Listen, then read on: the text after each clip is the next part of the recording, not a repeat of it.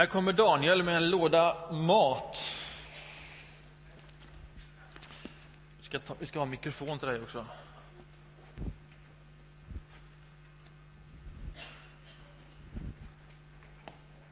Igår var en speciell dag. Berätta vad som hände.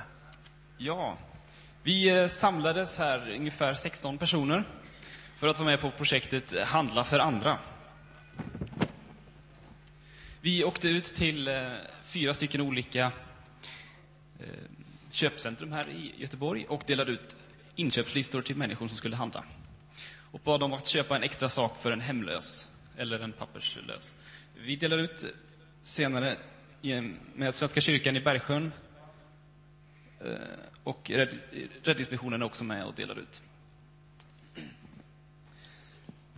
Vi fick, jag vet inte om ni har packat mat i en sån här låda någon gång, man får i rätt mycket.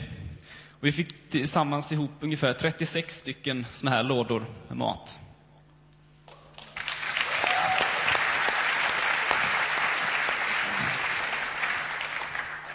Ja, en del personer de, eh, kom och gav en eh, tandkräm eller en tandborste. Vissa köpte en hel kasse. Och eh, en kvinna hon kom fram med en kundvagn och eh, Eh, la ut en eh, matkasse. Och så frågade jag, hur kändes det? Och det kändes jättebra. Det här var väldigt roligt. Jag kände att nu skulle jag verkligen ge. Och så läste hon ut två stycken kassor till. och så sa hon, ja, det var nog en sak på den listan som jag missade, men annars fick jag nog med allting. Så vi kommer nog köra det här projektet några fler gånger. Hoppas ni kan vara med då och vara med. Det är väldigt roligt. Tack så mycket. Tack. Du kan ta mikrofonen. Eh, och eh, den här lappen handlar för andra. Eh, den finns här nere vid utgången hos vaktmästaren. Eh, och om man känner att eh, jag var inte just i de här affärerna igår, men jag är ju här nu. Eh, här vid Hemköp, tvärs över gatan så finns det möjlighet att ta den lappen och bara ta den vägen förbi och lämna saker och ting här i entrén och så går det vidare till de saker som Daniel precis nu nämnde. Så det finns fortfarande möjlighet att vara med för den som vill vara med idag också. Eh, vara bara som en möjlighet. Får jag nämna ett par saker till bara innan vi ska predika. Eh, och det är att nästa lördag så har vi julkonsert här. Eh, Samuel Ljungblad och en, en storbandsjazzorkester Eh, kommer hit eh, och fyller eh, det här utrymmet. Eh, och det säljs biljetter dit. Eh, och det gör vi efter gudstjänsten. Så missa inte det. Eh, ett, ett fantastiskt tillfälle att bjuda med någon. Köp två biljetter, kom hit, två eller fler. Och vi gör en insamling till Räddningsmissionen också under den konserten nästa lördag. Och på julafton, om du ännu inte har planerat en julafton och vet riktigt hur du ska fira den, så välkommen hit till Salonkyrkan. Eh, här har vi ett eh, väldigt trevligt julaftonsfirande med ett dignande julbord som vi hjälps åt att göra. Eh, ett firande med alla åldrar, eh, som jag själv har varit med om under ett par år och eh, bara varmt kan rekommendera. Vet du inte riktigt hur du ska se ut i jul, eller vet du det och vill göra det ännu bättre, så välkommen julafton, Salonförsamlingen. Och till sist, ja, läs om allt det här i julprogrammet december, januari. Har du inte, har du inte tagit det så ta det med dig hem. Jag står allt detta. Så till sist vill jag säga att vi har en fantastisk kör. Eller hur? Felicity. Det krävs ju sångare för att skapa en sån kör och musiker. Men det krävs också en ledare för att hålla ihop detta, skapa detta, få fram allt detta. Eh, och Frida Källner, kan du inte resa dig upp? Eh, komma fram.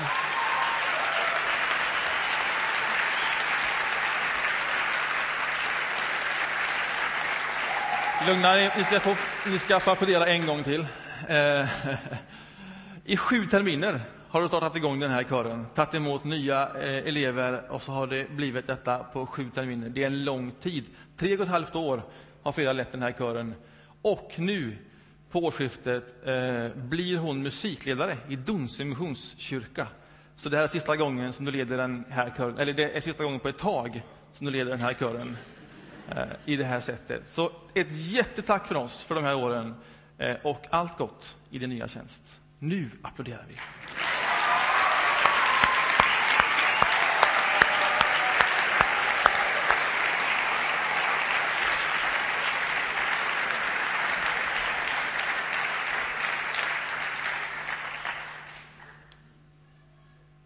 Jag ska läsa en bibeltext ifrån Gamla testamentet, ifrån Jesaja en gammal text.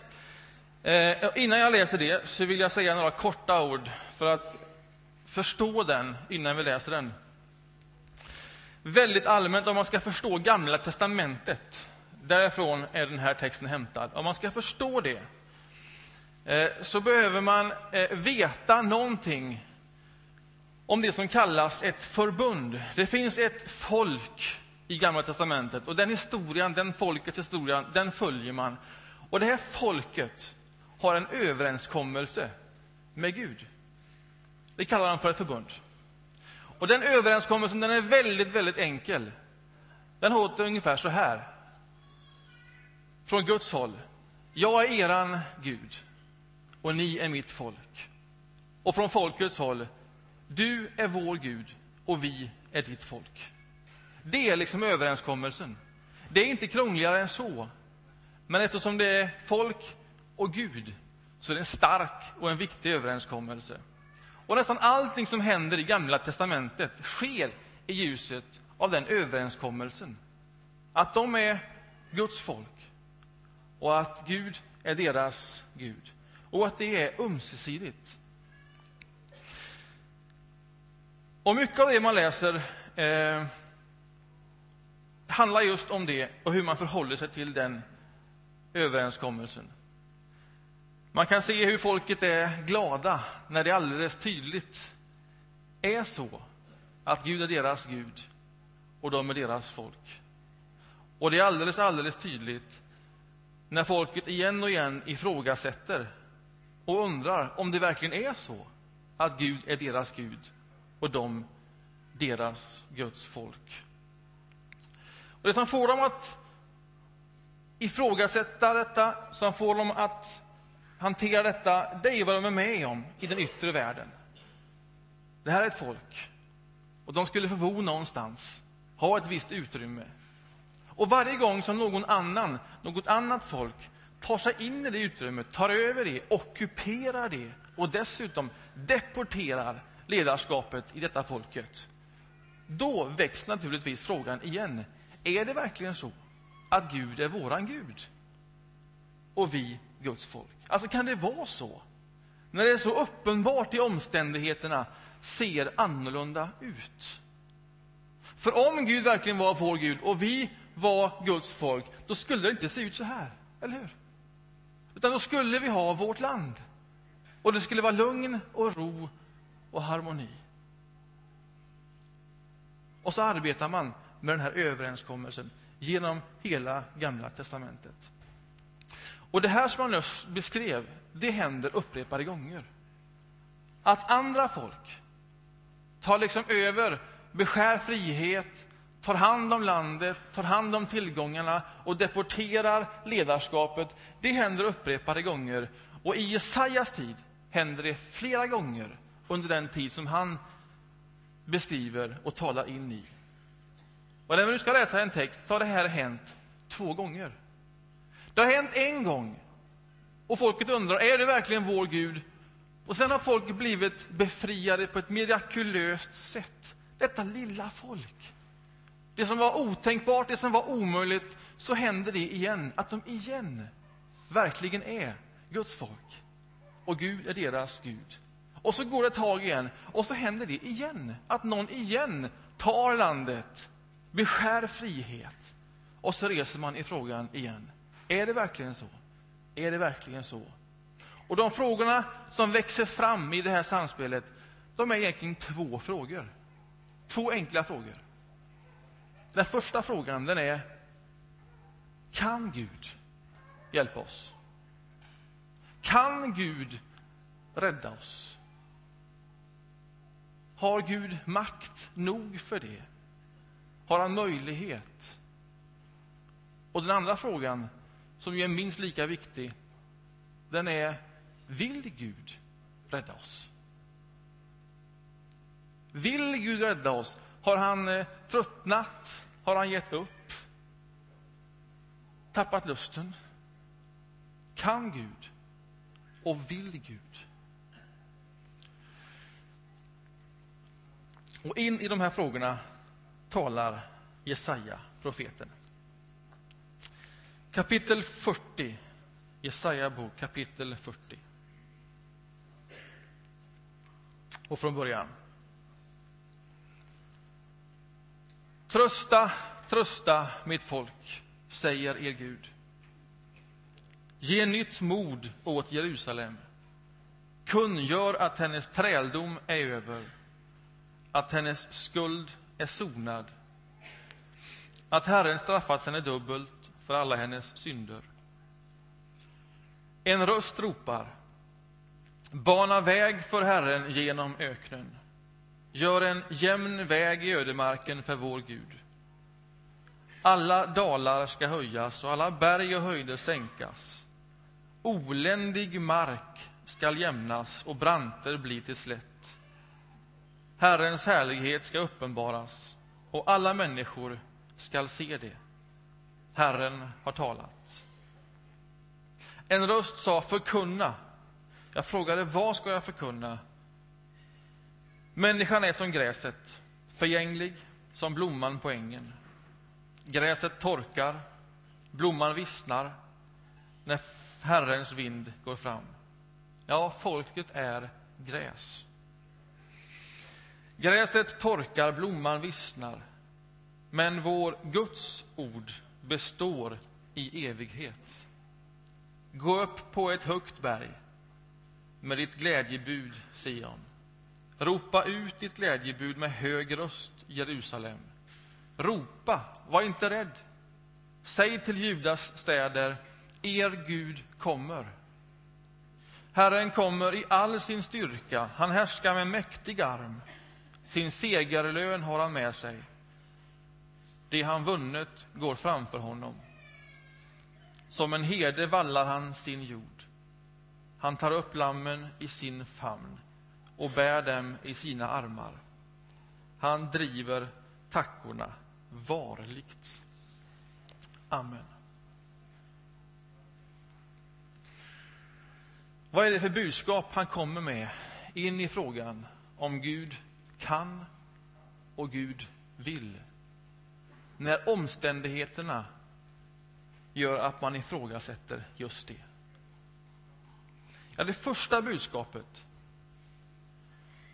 som är väldigt enkelt och rakt fram, det är tröst, nytt mod och försoning. När Gud ser på sitt folk i oländig terräng, i folkets alla frågor, då säger Gud tröst, nytt mod och försoning. Det betyder ju att Gud åtminstone vet, känner till och känner sympati för det som är. Och i det som är, där säger Gud tröst, nytt mod och försoning. Och det är ju enkelt sagt. Men hur tar man emot det? Tröst, nytt mod och försoning. Jag menar, när det ser ut som det ser ut och när man står mitt i denna oländiga terräng. Hur tar man emot tröst, nytt mod och försoning.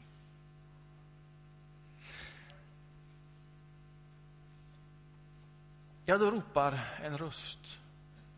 Och den rösten, den ropar så här. Bana väg för Herren genom öknen och i denna oländiga terräng. Bana väg. Vad är det att bana väg?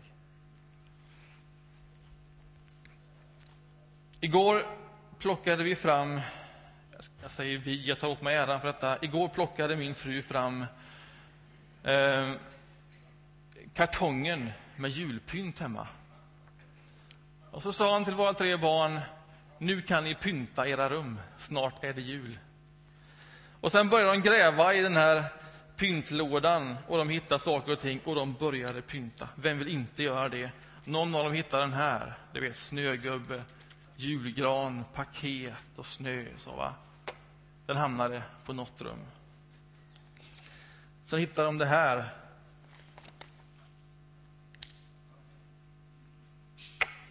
Maria, Josef, Jesusbarnet ligga där. Och så känner man att nu är det snart jul. Någon av dem hittade den här och tyckte att den var snygg också. Så byggde vi liksom upp det här pyntet och det växte fram där i olika rum och sådär va. Eh, och så kan man ju fundera över varför gör vi det här? Varför pyntar vi inför jul? Vi vet ju ändå att jul kommer snart, eller hur? Det finns ju så mycket som påminner om det, man har varit med förut och så vidare. Alltså vad vi gör när vi pyntar, det är att vi banar väg för någonting som vi tror kommer. Det är att vi förbereder oss för att liksom vara på plats när det väl händer. Att pynta ett hem i all sin enkelhet, men det är en handling i tro. Att vi försöker genom olika saker se det vi ännu inte har sett. Att vi liksom banar väg genom detta december. För att sen när julafton kommer, då har vi nästan redan varit där. Med snö, julgran och snögubbar. Det är att bana väg. Och Jesaja säger likadant. Bana väg. Förbered. Och det är en handling man gör i tro. Alltså, man kan i tro jämna vägen i ödemarken, låta den gå genom dalar och höjder. Man kan skapa en väg i oländig terräng genom tro och handling. Genom att föreställa sig det man inte kan se. Så att när man ser det, då förstår man vad man ser. När det händer, då förstår man vad det är som händer. När Gud kommer, då är man där. Detta att bana väg dyker upp igen. Någonstans 500 år senare kanske, också då kommer Guds ord till en man i öknen. Han heter Johannes, Johannes döparen. Och till honom kommer exakt de här orden som vi nu har läst. De får han till sig där i öknen. Bana väg för Herren. Jämna vägen i ödemarken, genom dalar och höjder. Skapa en väg i oländig terräng. Detta ropar han ut. Och när folket hör det där så undrar de fantastiskt, men vad betyder det? Vad ska vi göra? Vad är detta? Och vad svarar han då? Jo, då svarar han så här. Detta betyder det. Om du har två skjortor, ge bort en av dem. Om du är en av dem som har bröd, dela med dig av det. Och om det är tullindrivare, så driv inte mer in mer än vad du har rätt att göra. Och om du är soldat, så använd inte våld och hot för egen vinning. Det är att bana väg för Herren. Också Johannes talar till människor som befinner sig i oländig terräng, som också har samma frågor. Kan Gud? Och vill Gud? Och sen kommer en man och säger Gud kan och Gud vill. Tröst, nytt mod och försoning.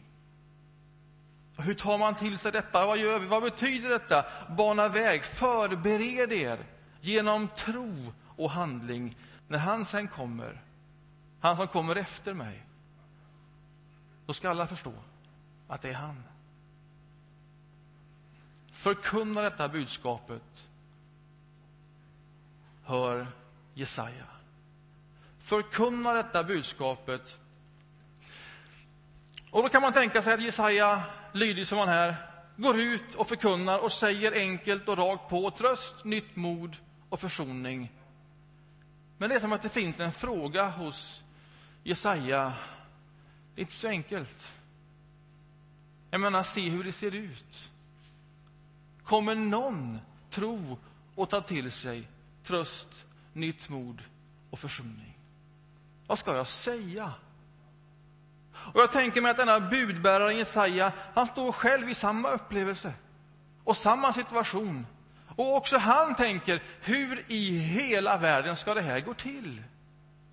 Jag tänker mig att också han har säkert han egna frågor. Kan Gud? Vill Gud? Och ändå får han budskapet, uppgiften, att bli budbäraren. Förkunna. Förkunna detta. Förkunna det ändå, men vad ska jag säga? Jag säger så här. Låt alla förstå vad en människa är och vad en Gud är. Låt människor förstå den enorma kontrasten. Människor är som gräs. Gräs är någonting som växer snabbt. Det växer snabbt, men det är känsligt för alla omständigheter. Det vill inte mycket till förrän gräset vissnar, torkar och dör bort. Människor är som gräs. Vem är folket? Ja, folket, det var naturligtvis de som hade angripit folket. Det var de andra, alltså deras makt, deras möjlighet är som gräs. Men inte bara de. Också ni själva är som gräs. Ingen räddar sig själv. Och i kontrast till gräs, det som är totalt känsligt för alla omständigheter, där står det som är helt beständigt, Guds ord. Säg det till dem. Säg det. Ni är gräs. Och därför behöver ni Guds ord. Det är budskapet.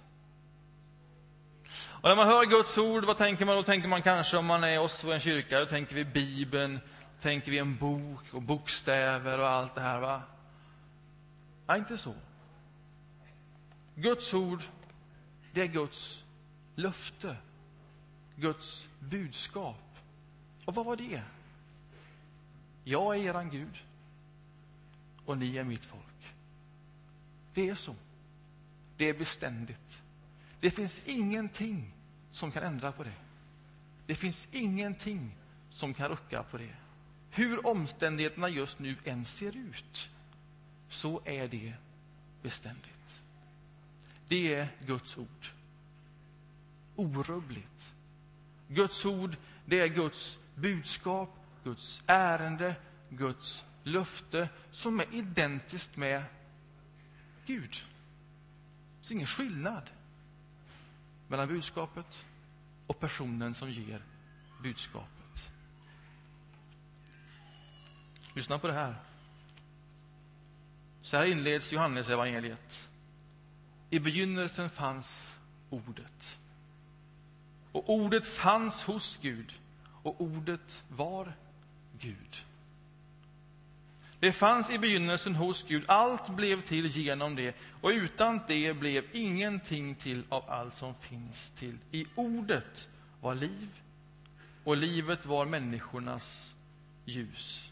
Och ljuset lyser i mörkret, och mörkret har inte övervunnit det.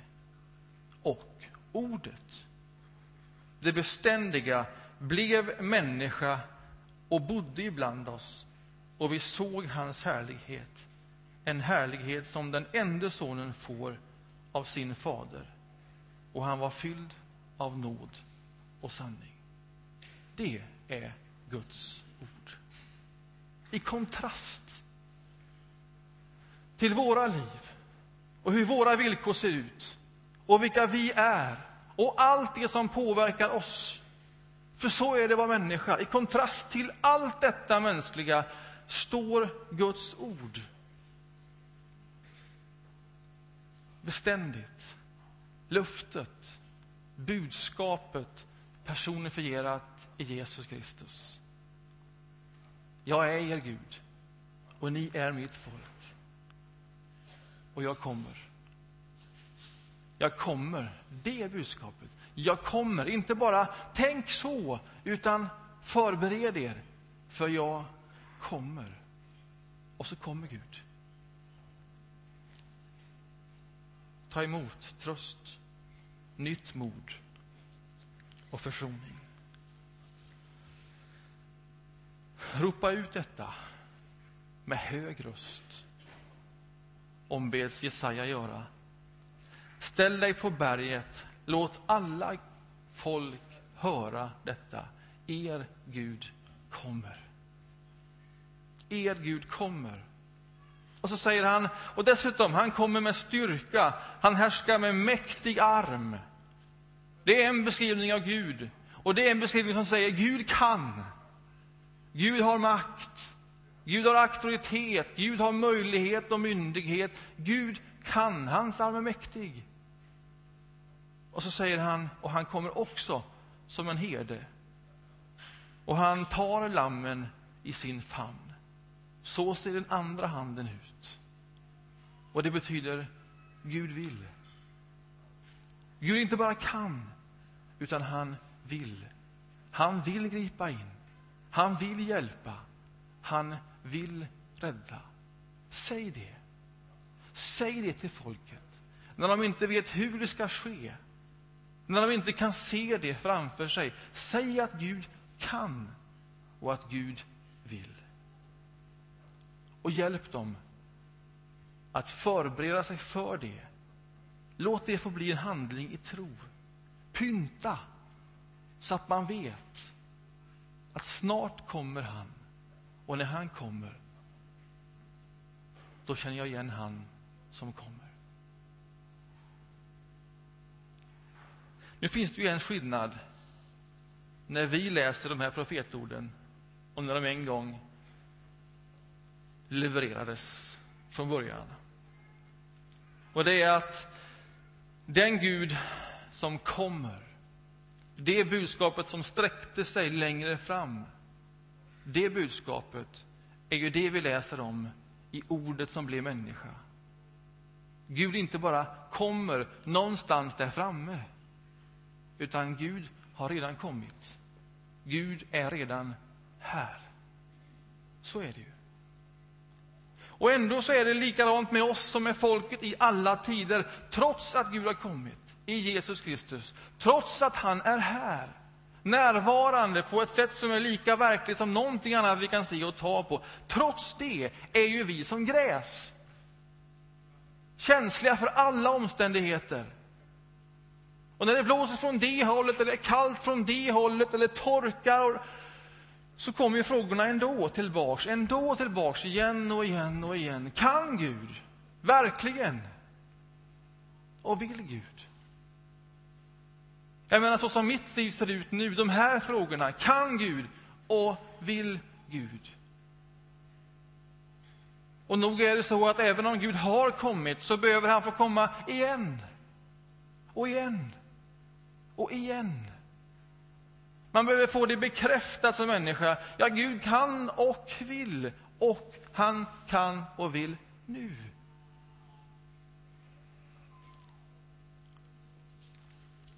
Hur gör man då, om man tänker så, för att inte ge upp i sina frågor? Är det samma råd nu som då? Bana väg för honom. Förbered dig. Pynta. Så att du tar emot honom när han kommer. Hur gör man det? Väldigt enkelt. Några enkla råd.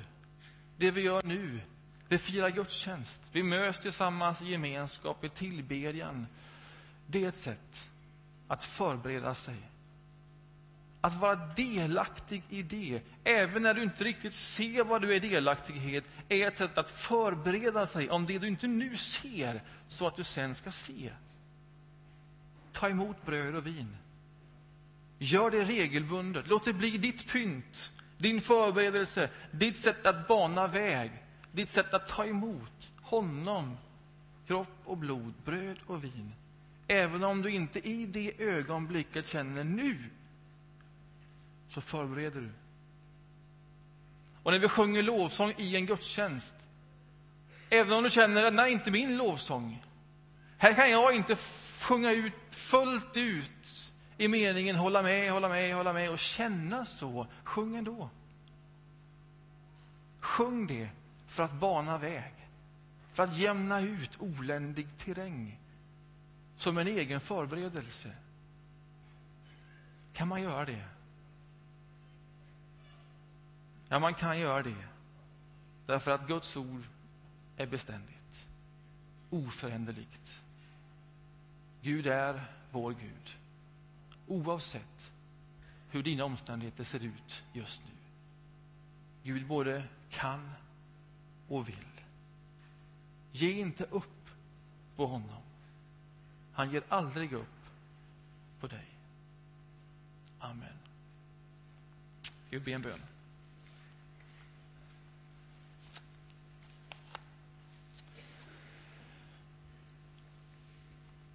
Herre, tack för de där gamla orden. Att du genom alla tider har talat till människor. Människor som förmedlar från ditt hjärta in i oländig terräng. Det är inte så enkelt det där att bana väg, att förbereda, att handla i tro. Vi vill liksom se på en gång direkt och konkret. Men detta tycks vara din väg. Trons väg. Så jag ber för mig, jag ber för oss alla där vi nu står om tro. Om kraft att sträcka oss i tro. Att ta emot i tro. Att jämna ut i tro utan att förneka det som nu är. Men att så förbereda oss och att så ta emot dig som kan och vill hjälpa och rädda.